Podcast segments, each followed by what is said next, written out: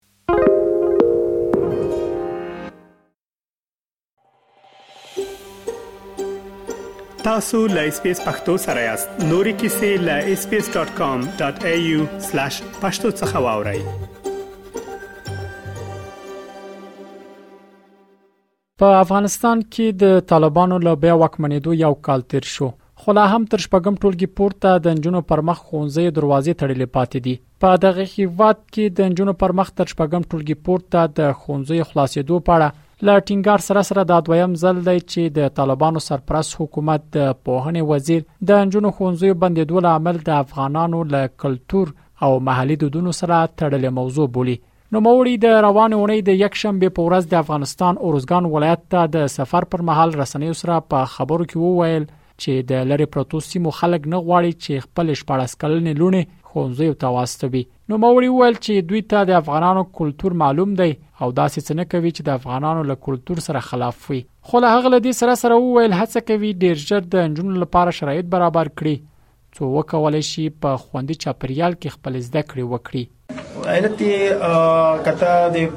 روزګان بازار نه وځلې د دې غرو په لمنو په کلیو کې سپینګرو نه پښتنه وکي خپل تا ته درک معلومي کته په جماعت کې پښتنه وکي چې څو پیسې د سپینګری څو پیسې د خلک دې ته تیار دي چې خپل شپارس کلنه ولس کلنه لور مکتب ته ولي نو بیا ان شاء الله د دغه سوال لمانه کولو ته ضرورت نه وي مطلب موږ تاسو افغاني جامعي کې اوسېدلی یو او دلته د خلکو کلتور راته معلوم ده او دغه کلتور دا هغه څه ده چې ډېر وخت حکومتونو په خیال کې نه ده ساتلی نو له هغې نه پاڅونونه را جوړ شوي دي او د هغې په خلاف باندې فتواي راغلي دي نو موږ په دې حق له کوشش کوو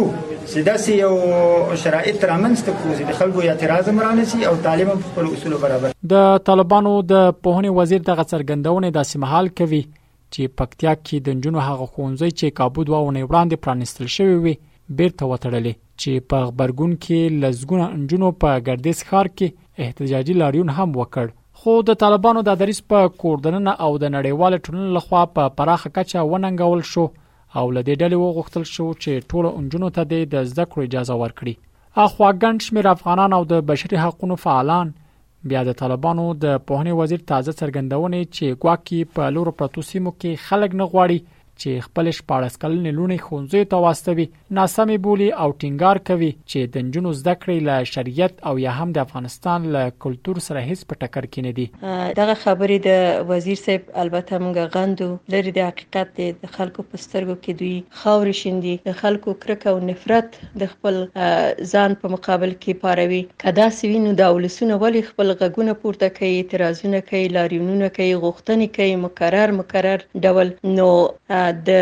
یو ملت د بقا سره چې دوی کوم چلن کوي کوم غلط برخورد کوي او سیاسي برخورد کوي زه فکر کوم چې دا به نه بخښونکي دا به په تاریخ کې دوی ونه بخښل شي. پوهنې وزیر وروستۍ څرګندونې کړې دي چې ولس نه غواړي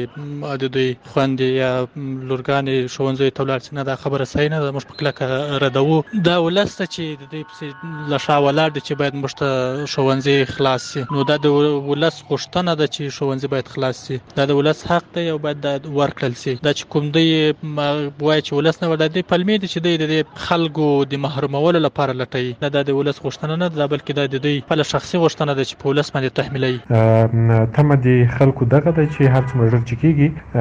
ښوونځی دی د نجونو پر مخ بیرته پرانیزل شی ځکه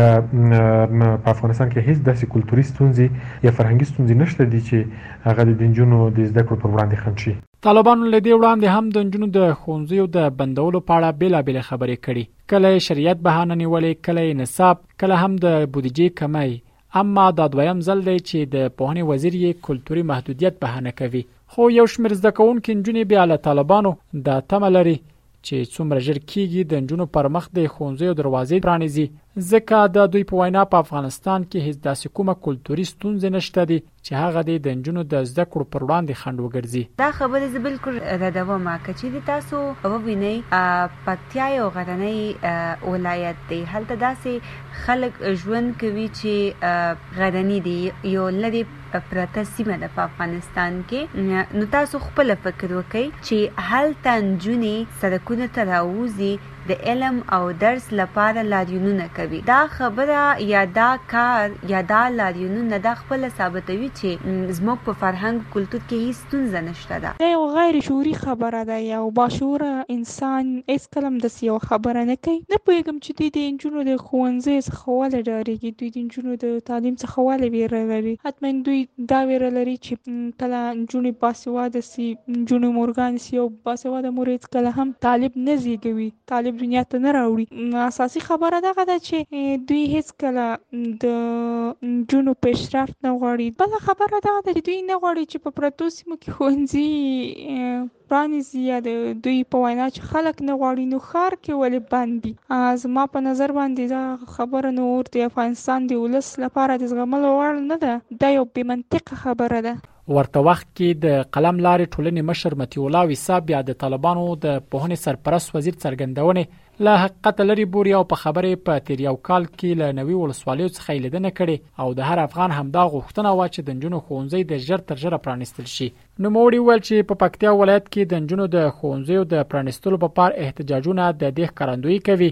چې خلک د نجونو ښوونځي غواړي او د نجونو ښوونځی ورته سره کرښه ده. په زرهاوو کسانو سره چې ما مجلسونه کړي دي، په هغه کې قومي مشرانو، دیني عالمانو، محلي خلکو، د ټولو غوښتنه همدا ده، تعلیم زموږ بشري، اسلامي، انساني حق دی، د نجونو تعلیم زموږ سره کرښه ده، موږ یې خامخا غواړو، افغانستان بغیر له تعلیمه، بغیر له پوهې په بله لاره نه شي جوړېدلی، د نجونو تعلیم د افغانستان. د بقا، د افغانستان د پرمختګ، د دایمي سولې، د اقتصاد لپاره یوازینۍ لاره ده. دا وزیر صاحب چې کومې خبرې کړې دي دا د شخصي نظر دی، دا د ولسونو نظر نه دی. ډېر داسې کسان هم شته چې ما ډېر افغانان لیدلي دي، هغوی وايي که چېرې د نجونو ښوونځی خلاص نه شي، موږ یو بل همسایه هېواد ته مهاجرت کوو، خاص د تعلیم لپاره. د طالبانو د پوهنې وزیر داسې مهال دغه څرګندونې کوي چې تیره اونۍ د ملګرو ملتونو مرستندوی صندوق یا یونسف وویل چې په افغانستان کې اوس مهال 3 میلیونه نجونې له زده کړو بې برخې دي یونسف په خپل دې بیان کې چې پر ټویټر خپور شوی و